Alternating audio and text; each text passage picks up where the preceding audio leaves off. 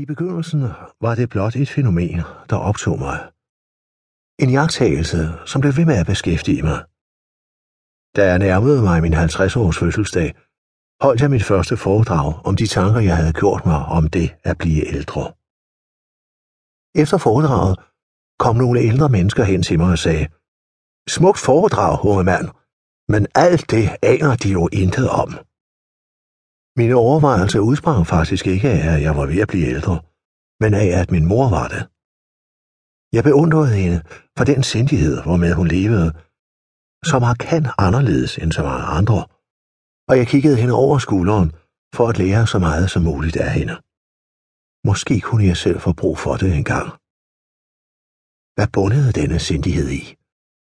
Hvordan kunne jeg i en fjern fremtid selv opnå den? I foredraget gjorde jeg mig lystig over, at man taler om at blive ældre. Er ældre ikke en gradbøjning af gammel? Vil folk hellere være ældre end gamle? Når jeg fyldte 60, erklærede jeg stor i slaget, vil jeg ikke kalde mig selv ældre. Jeg kunne godt nøjes med at være gammel.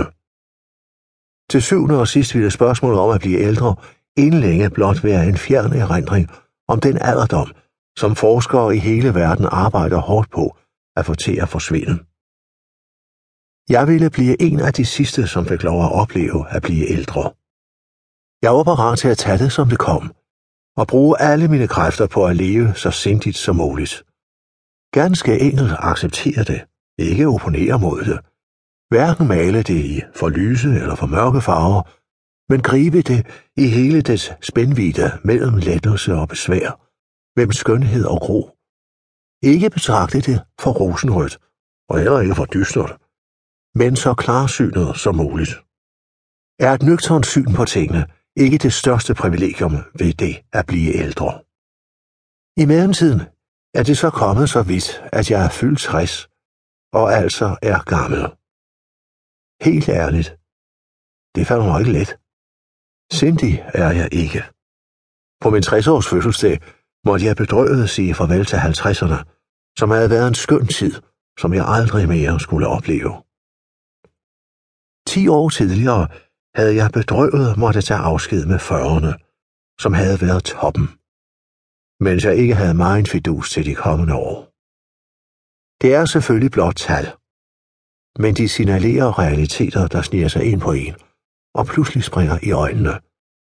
Den tid, der er gået, bliver strakt ud. Den tid, der kommer, fortættes, og døden rykker nærmere. Den mentale forberedelse kan ingen erfaring foregribe. Hvordan det føles, når det bliver alvor. Talemåder, der forsøger at bagatellisere det at blive ældre, er af begrænset virkning. Man er vel så gammel, som man føler sig. Selvfølgelig er man det. Men for det meste er man ældre. Følelsen kan ikke ændre ved dette faktum. Tværtimod. Den forleder blot en til at gøre sig illusioner. Nu er illusioner jo ikke nødvendigvis altid af det onde. Men til syvende og sidst bliver skuffelsen større, hvis man trods talemåder ikke kan stille noget op med sandheden. Alderdommen forestillede jeg mig længe som en tilværelse i ro og mag på en solfyldt terrasse. Med tilbagelænet blik ud i horisonten, tilfreds med mig selv og verden. Hvad jeg forløbig mangler, er terrassen. Og følgelig også resten. Kun én ting er sikker.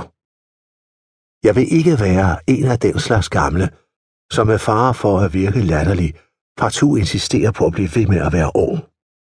Jeg vil ikke være en sur gammel knark, der lader sit raseri over det svindende liv bruse op over alt det, der lever op.